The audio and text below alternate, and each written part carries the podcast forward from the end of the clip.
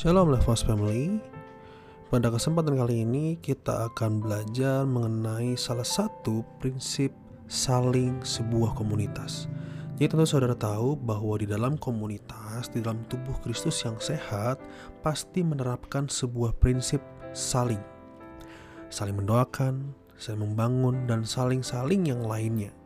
Dan pada kesempatan kali ini kita akan belajar tentang saling menegur. Bapak Ibu Saudara, kita harus tahu dulu bahwa teguran adalah tanda sayang. Walaupun sering kali tidak mengenakan di telinga dan daging kita, tetapi teguran menandakan bahwa ternyata ada seseorang yang sayang sama kita. Karena di dalam teguran, orang itu mau kita selamat. Di dalam teguran, orang itu mau kita memperbaiki diri kita. Ini yang pertama. Yang kedua, teguran menyembuhkan. Walaupun teguran tidak enak di telinga dan daging kita, tetapi teguran akan menyembuhkan kita. Teguran akan menyelamatkan kita. Nah, mari kita dengar dari Ibrani 12 ayat 5 sampai 6. Berbunyi demikian. Dan sudahkah lupakah kamu akan nasihat yang berbicara kepada kamu seperti kepada anak-anak? Hai anakku, janganlah anggap enteng didikan Tuhan, dan janganlah putus asa apabila engkau diperingatkannya. Karena Tuhan menghajar orang yang dikasihinya, dan ia menyesah orang yang diakuinya sebagai anak. Kita melihat bahwa jelas di sini Tuhan uh, mendidik orang yang dikasihinya. Jadi kalau kita mengalami sebuah teguran itu tanda bahwa Tuhan sayang kita. Dan saya percaya bahwa Tuhan bisa memakai siapa pun untuk menegur kita. Bahkan kalau saudara lihat di perjanjian lama, Tuhan memakai seekor keledai untuk menegur Bileam.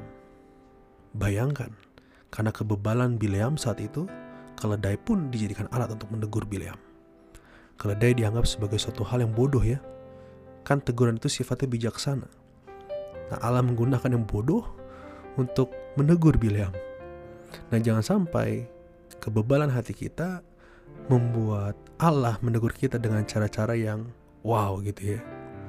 Nah, Allah bisa menggunakan siapa pun untuk menegur kita. Allah bisa menggunakan siapa pun untuk menegur kita.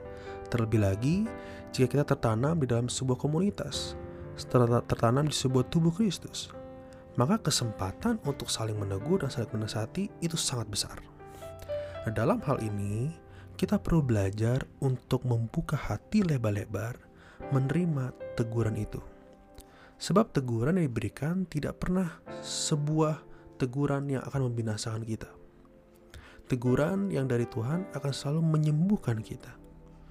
Makanya kalau nanti saudara lihat di Ibrani 12 ayat 10, Dikatakan demikian sebab mereka mendidik kita di dalam waktu yang pendek sesuai dengan apa yang mereka anggap baik.